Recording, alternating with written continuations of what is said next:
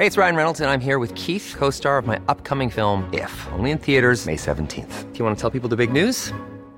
All right, I'll do it. Sign up now and you'll get unlimited for $15 a month in six months of Paramount Plus Essential Plan on us. Mintmobile.com slash switch.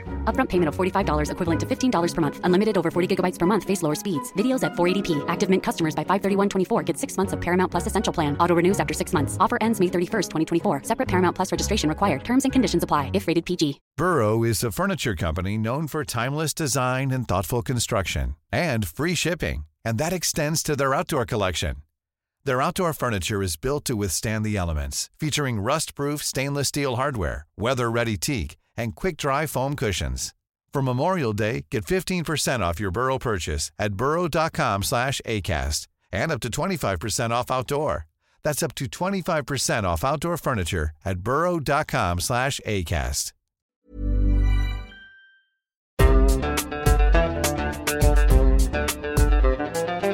بودكاست صوت.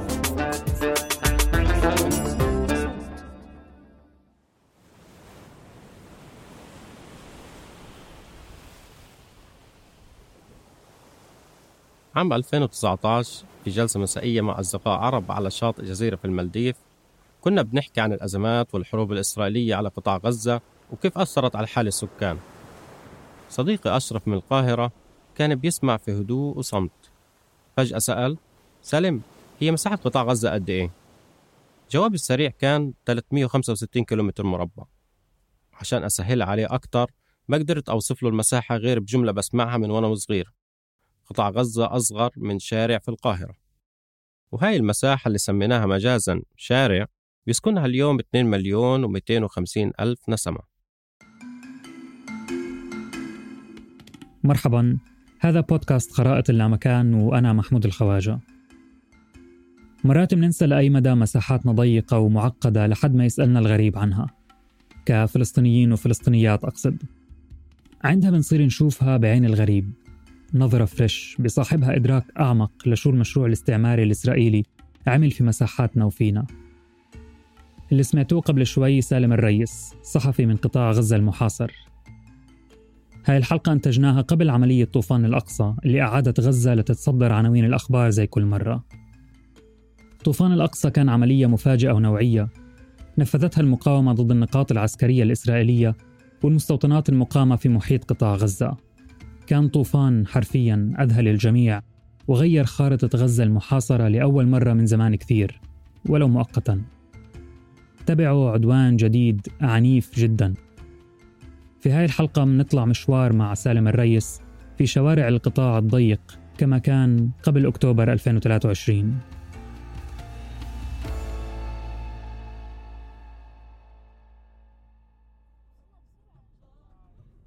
رجعت على قطاع غزة وبعد فترة تذكرت سؤال أشرف. السؤال اللي دفعني أعمل جولات في الإجازة الأسبوعية مع زوجتي وأولادي.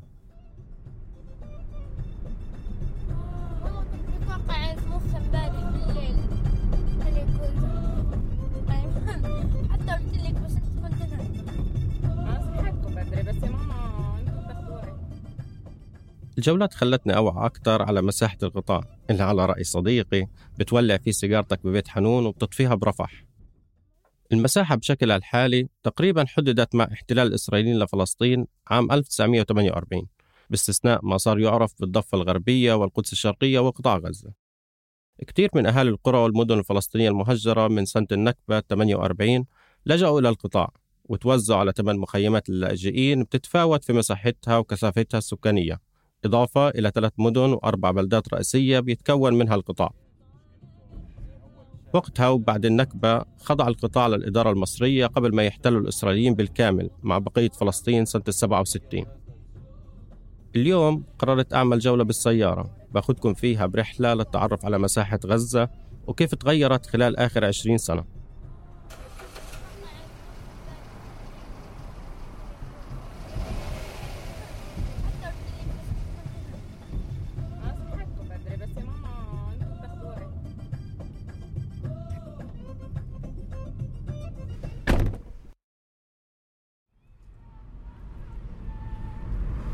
اليوم أنا موجود آه، على معبر رفح البري.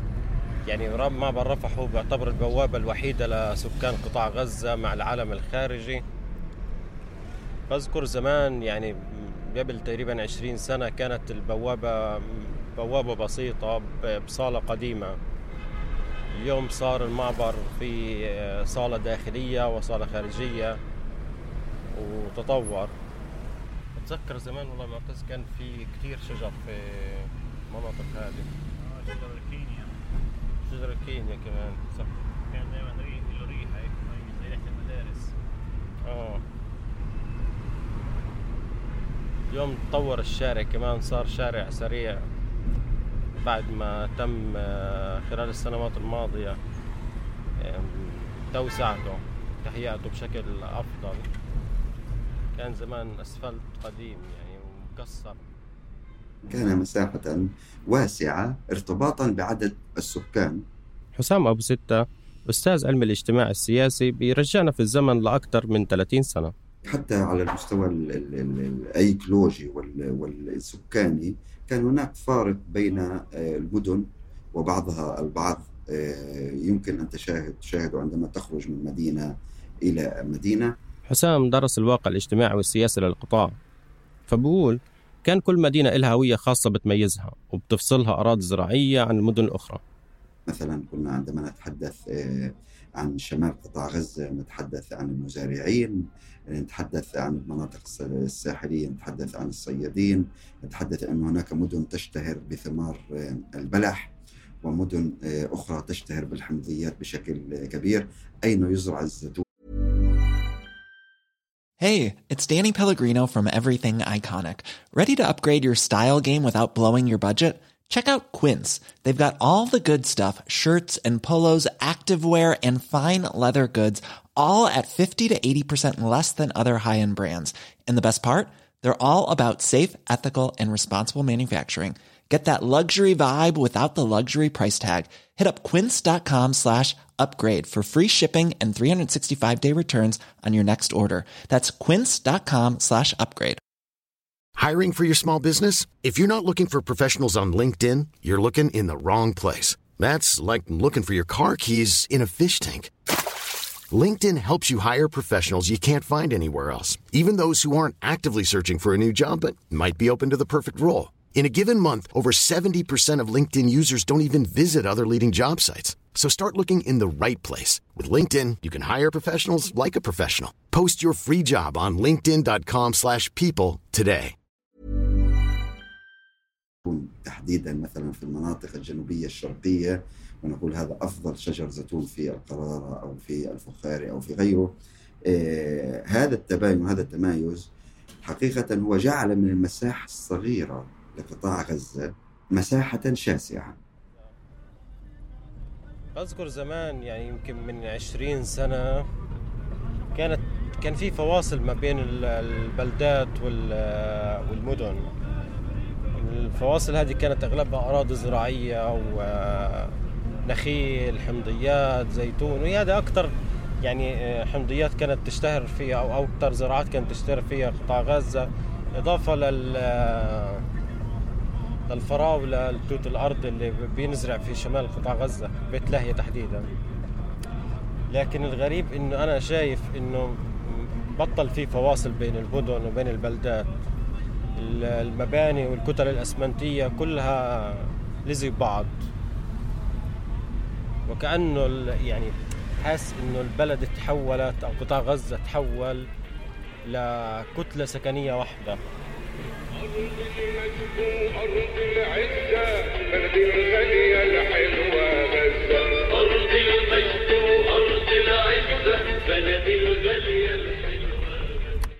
لحتى نفهم شو صار مع المزارعين والتغيرات يلي واجهوها حكينا مع محمد.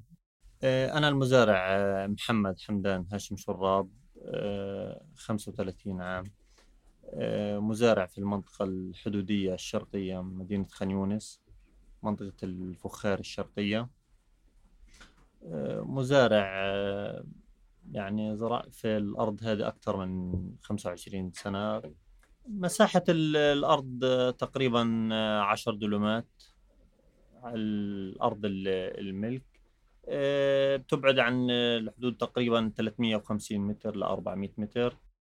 آه، الأرض هذه كانت آه، يعني مزروعة من قبل الألفين يعني كانت مشجرة بجميع أنواع الأشجار كزيتون حمضيات لوزيات فكانت مزروعة ومشجرة بالكامل. لكن مع بداية الانتفاضة 2002 تم تجريف الأرض بالكامل. بعد هيك حاولنا إنه ترميمها وزرعناها تاني لكن بعد هيك في 2004 تم تجريفها كمان مرة. في أواخر عام 2000 انطلقت الانتفاضة الفلسطينية الثانية بعد تعثر تطبيق اتفاق أوسلو من جانب الاحتلال الإسرائيلي. بدايتها كانت شبيهة بالانتفاضة الأولى انتفاضة الحجارة لكنها أخذت طابع مسلح لاحقا.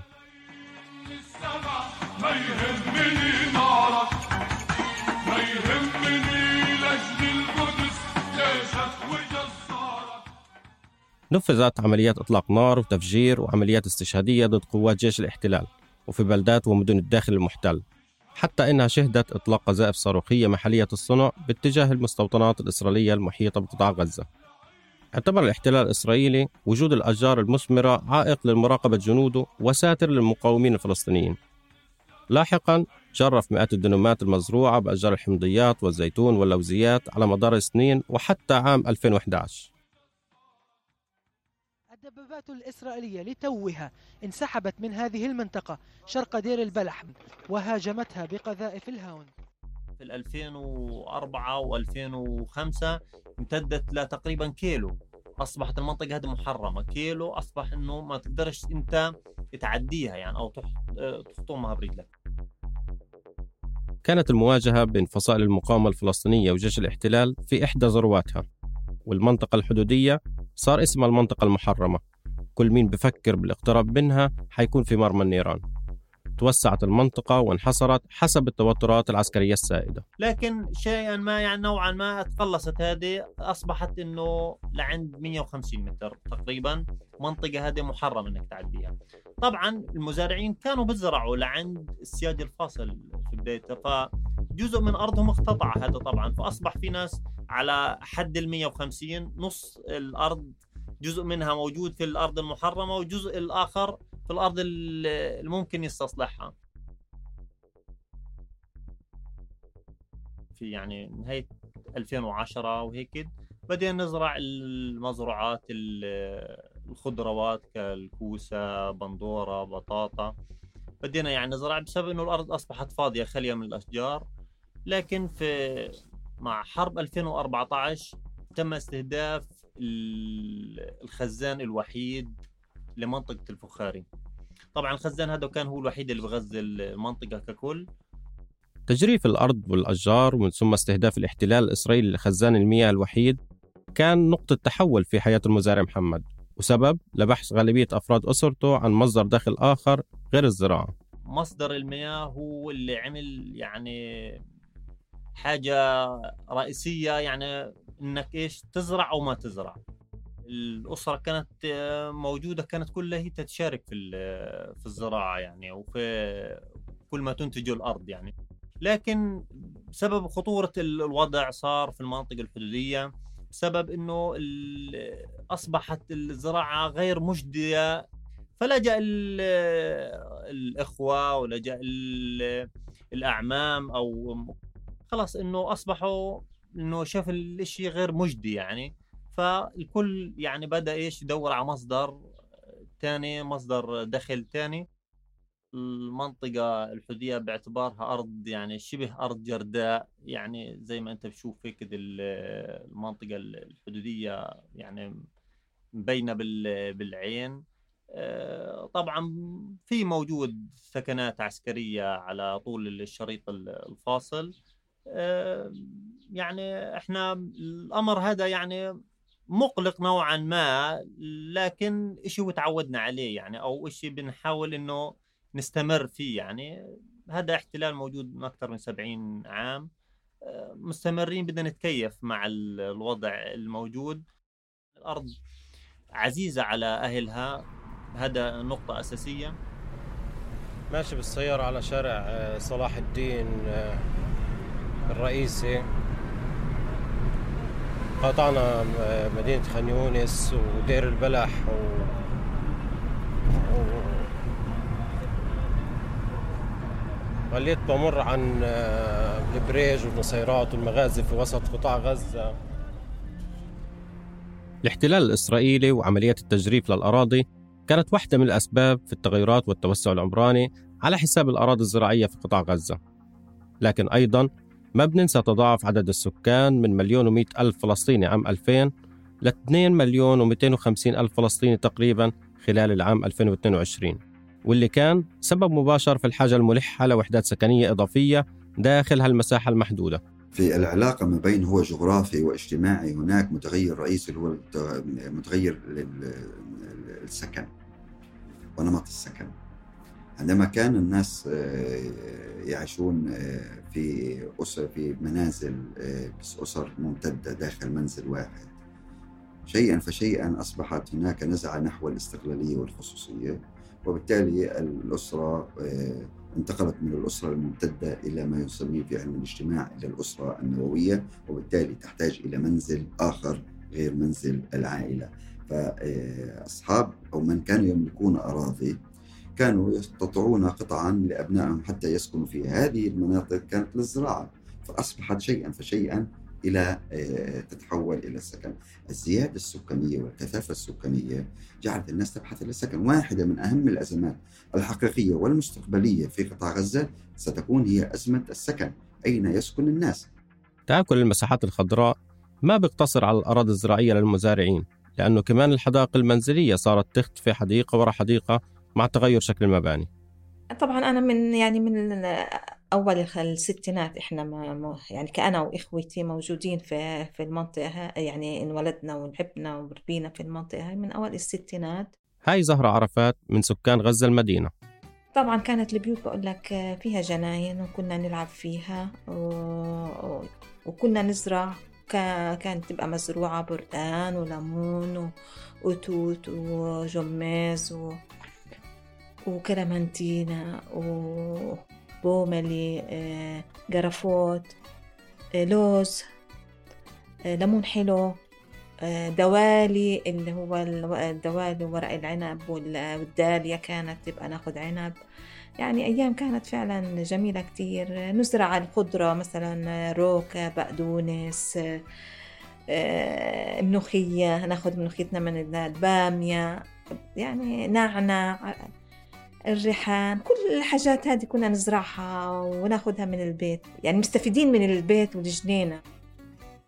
مش بس كانت بيوتهم زمان فيها زراعة كمان المساحات الواسعة كانت بتعطي ميزة للأطفال باللعب والحركة داخل البيت والحديقة الخاصة فيه. أهم شيء إنه كنا نلعب بالبيت برندة كبيرة نلعب فيها نعمل عاملين فيها طائرة كرة طائرة نلعب فيها يعني. بتذكر هذا الإشي. نلعب مثلا ممكن تلعب شريدة أم التغماية هيك إشي برضو في الجنينة. لما نلعب هيك في قلب الطب هذه الصفطة بقولوا عنها. آه، لأنه البيت واسع يعني الجنينة واسعة كبيرة يعني بتديك مساحة إنك تتخبى وتجري وتلعب.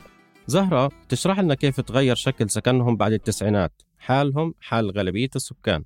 بدوا الناس يبنوا زيادة يعني. يعني مثلا أنا بتذكر إحنا سيبنا مثلا الفيلا تاعت صارت إدمت. وبنوا قدام و... وسكننا فيها يعني وبدأ يعني الوالد والوالدة. وبعدين الإخوات صاروا يبنوا فوق وسكنوا في يعني صاروا في كلنا فوق بعض. وبعدها طبعا الولد الإخوات كمان صار عندهم أولاد عائلات يعني كله بده يطلع ياخد يعني كل واحد بعد ما توفى الوالد صار بده يعرف إيش اللي إله واللي إيش اللي عليه كل واحد ياخذ نصيبه. فاختار يعني اختاروا إنه يبقى استثمار ويسكنوا. اتفقت العائلة على الاستثمار ببناء عمارة سكنية على مساحة أرض بالغة دنم بعد تجريف المنزل القديم والحديقة والأشجار. الاستثمار على أساس إنه أنت شراكة بما إنك تقدرش أنت تبني العمارة هاي كاملة. فأنت بدك تتشارك مع مستثمر اللي هو يمول البناء أنت بالأرض وهو في البناء طبعا بيبقى في نسبة بينك وبينه حسب ما تتفق أنت وياه. بعد ما كان بيت مستقل على أربع اتجاهات وسط أرض مزروعة بالخضروات والحمضيات والفواكه صارت زهرة بتسكن على الطابق الرابع في شقة صغيرة. ما بتتجاوز مساحتها 110 متر مربع وبتطل على اتجاهين بس. اضطرت تخلي عن هوايتها في الزراعة زي ما اضطرت إنها تتقيد بفتح وتسكير شبابيك بيتها لأنه صار في جيران شبابيك بيوتهم قريبة. زهرة وإخوتها مش لحالهم قرروا الدخول في عملية استثمار وبناء عمارة سكنية. جيرانهم عن اليمين وعن اليسار أيضا سبقوهم في البناء وكمان الجيران على الجهة المقابلة لإلهم. كل يعني نفس النظام حيكون نفس الإشي يعني يعني هالقد أنا مثلا العمارة الثانية ما بعرفش مين فيها يعني العمارة العمارة اللي على الشارع بعرفش مين فيها مين سكانها طبعا مش هعرف. يمكن هذا النهج حل مشكلة السكن لناس كتير صاروا بحاجة لأكثر من بيت إلهم لأولادهم. لكن كمان خلقت أزمات ومشاكل تانية بعد انتقالهم لشقق شبهوا علب الكبريت ومع ارتفاع درجات حرارة الصيف أكثر من السابق زادت الحاجة لطاقة كهربائية. تواجه هذا الارتفاع في المنازل الإسمنتية المتكدسة والمرتفعة. لكن لأنه القطاع ما زال بيخضع لحصار إسرائيلي بري وبحري وجوي من العام 2007 موارد الطاقة شحيحة ويتحكم فيها الاحتلال الإسرائيلي. القطاع بحاجة لأكثر من 450 ميجا وات من الكهرباء لكن متوفر 65 ميجا وات من محطة توليد وحيدة في غزة و120 ميجا وات مضطرين نشتريهم من الاحتلال. لتحسين درجات الحرارة في العالم ينصح بتوسيع المساحات الخضراء وزراعة المزيد من الأشجار. هيك بتقول الدراسات. بس هذا في بلاد برا. بلاد عندها رفاهية تخطيط لبيئة أفضل على عكس قطاع غزة.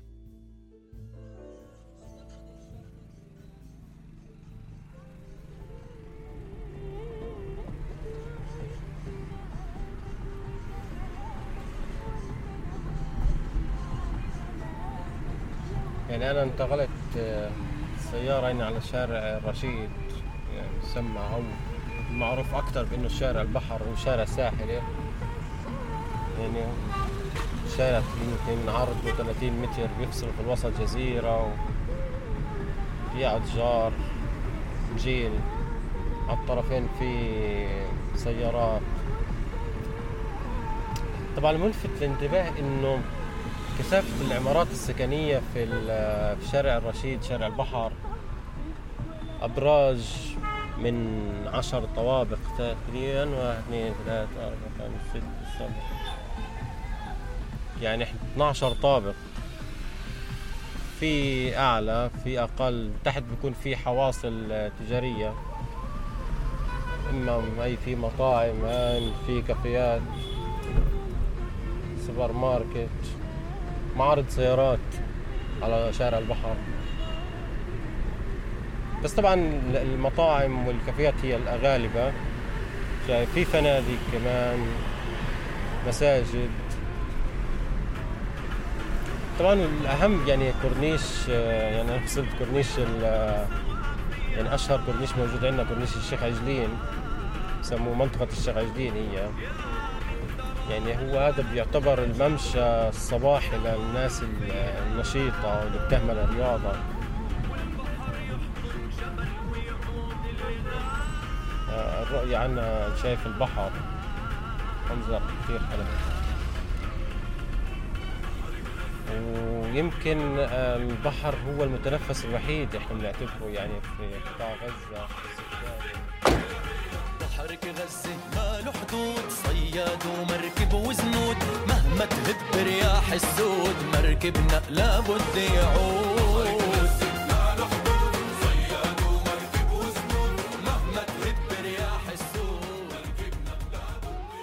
لكن كمان في حصار بحري والمساحة المسموح فيها لدخول مراكب الصيد محدودة. وفي كتير أوقات بيتم إغلاق البحر بشكل كامل حسب الظروف الأمنية والسياسية أو مزاج بحرية الاحتلال. يضاف لظروف الحصار أنه بالسنوات الستة الأخيرة تغير الحال بعد خصخصة البلدية وسلطة الأراضي لأغلب مساحات الشاطئ وتحويله لاستراحات ومنتجعات استأجرها مستثمرين وبتستهدف فئة محدودة وميسورة من أهالي القطاع أو بعض الزوار القادرين على تحمل تكاليفها. يعني أقول التوجهات الفكرية نحو آه، آه، الرأسمالية أكثر نحو آه، الاستثمار المالي أكثر نجد الساحل اليوم ليس ملكا حقيقة للناس يذهبوا متى شاءوا وكيفما شاءوا وبأي ثمن بل هناك تكاليف سيدفعها المصطاف إذا أراد أن يذهب إلى البحر. في السابق كان يعتقد سكان المناطق القريبة من الساحل أن هذا البحر جزء من من يعني جزء من ملكيتهم الخاصة يحافظون عليه ويعيشون عليه. اليوم أصبح هذا البحر أنت لا تبعد صراحة في بعض السكان وكثير من السكان في قطاع غزة لا يبعدوا خمس إلى عشر دقائق آه، من هذا الساحل لكنهم بدأوا يشعروا بالاغتراب عندما تم إعطاء هذا الساحل للمستثمرين وبالتالي أنشأوا عليهم استثماراتهم السياحية أصبح الدخول إلى هذا الشاطئ الذي كنت تدخله وقت ما أردت صار له شروط وثمن إلى آه، أن تدخل إلى هذا المتنفس اللي كان جزء من حياتك آه، الطبيعية. عوامل كثيرة أثرت بشكل كبير وجعلت السكان في قطاع غزة آه، يشعرون حقيقة أو وكأنهم تحت نوع من الغليان جاهزين جدا وقريبين جدا إلى الانفجار. ارتفاع تعداد السكان، أزمات الكهرباء والمياه، الحصار الإسرائيلي وتقليص الأراضي الزراعية وتأجير الشاطئ كلها أسباب دفعت السكان للشعور وكأنهم في سجن. هو صراحة في بعد نفسي اجتماعي له علاقة بالمساحات الصغيرة. يعني هو ما هو السجن. إضافة لأنه هو عملية تحديد مواعيد. هو أيضا مساحة صغيرة يكتظ بها السكان. وبالتالي نتيجة الحصار اللي بيمارسه الاحتلال والمضايقات اللي بيفرضها على قطاع غزة و... وعدم حرية التنقل جعل قطاع غزة بقعة جغرافية وعبارة عن ساحة للتفاعل الاجتماعي لكنها صغيرة ومحاصرة. تفاعلات سكانية مكثفة داخل شريط ساحلي محاصر ما بتجاوز 365 كيلومتر مربع. تستحوذ الكتل الإسمنتية فيه على أكثر من 44% من المساحة. مقابل مساحات خضراء لا تتجاوز الأربعة في المية فقط. أي مواطن عربي خارج قطاع غزة عليه أن يتخيل أنه يمكن أن يستخدم جميع سكان قطاع غزة نوع واحد من المراوح. لأنه تاجر واحد جاء بهذه الكمية معينة من هذه المراوح وبيبيعها لكل سكان قطاع غزة. هذه هي حقيقة المساحة والعلاقات الاجتماعية التي فرضتها هذه المساحة. أو يمكن لتاجر واحد أن يأتي بملابس نسائية لجميع نساء قطاع غزة من فئة آه، الشابات. تاجر واحد يمكن الأمثلة بتوضح بشكل أكبر ضيق المساحة من خلال تفاعلات السكان وتشاركهم في استخدام المنتجات المتشابهة. نحن نتجه نحو جعل قطاع غزة إلى مدينة واحدة متشابهة. كل سكانها يحملون ثقافة واحدة وعلاقة واحدة أو, أو, أو وجهة نظر واحدة للأشياء. جولة السيارة معكم انتهت بوصولي لأقصى نقطة بحرية شمال غرب قطاع غزة. بعد رحلة استغرقت أقل من ساعة ونص. كنت بتمنى أسجل صوتي هناك لكن مع الحدود العسكرية بالأسلاك الشائكة مع أراضي الداخل المحتل والجند الإسرائيلي اللي واقف قبالي وحامل سلاحه كان صعب أستخدم جهاز التسجيل. يمكن شكله بصير الشبهة وبعرضني للخطر. كل الأحوال رجعت حكيت تليفون مع صديقي أشرف وذكرته بالموقف اللي خلاني أفكر أحكي للناس بالخارج عن مساحة غزة المحدودة والمكثفة. ببص للموضوع دلوقتي من نقطة مختلفة هي المتعلقة بالناس اللي في المكان أكتر أكتر من مساحة المكان. الجغرافية أو حاجة بحيث إن المكان ده هو ثروته الأكبر في ناسه نفسه فكرة قد إيه المكان ده صغير محاصر فيه صعوبات كتيرة بس لسه حي فإن المكان ده لسه حي بسبب الناس اللي فيه. بسبب العقيدة ممكن اللي تكون اللي عندهم. لو المكان ده في ظروف مغيرة آه، وفيها ناس مغيرين عن الناس اللي موجودين حاليا في المكان عن إيمانهم لسه بالقضية رغم كل الصعوبات وصعوبات الحياة اليومية والمحاصرة وغيره كان المكان ده هيموت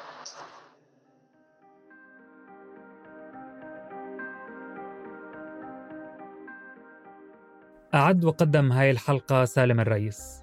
كنت معكم محمود الخواجة من الإنتاج والتحرير. من التصميم الصوتي يزن قواس. فريق النشر والترويج عمر خطاب بيان حبيب محمد ياسر. أنتجت هاي الحلقة بالشراكة مع الأكاديمية البديلة للصحافة العربية. بودكاست خرائط اللامكان من إنتاج صوت. Even when we're on a budget, we still deserve nice things. Quince is a place to scoop up stunning high-end goods for 50 to 80% less than similar brands. They have buttery soft cashmere sweaters starting at $50, luxurious Italian leather bags, and so much more. Plus, Quince only works with factories that use safe, ethical, and responsible manufacturing. Get the high-end goods you'll love without the high price tag with Quince. Go to quince.com/style for free shipping and 365-day returns.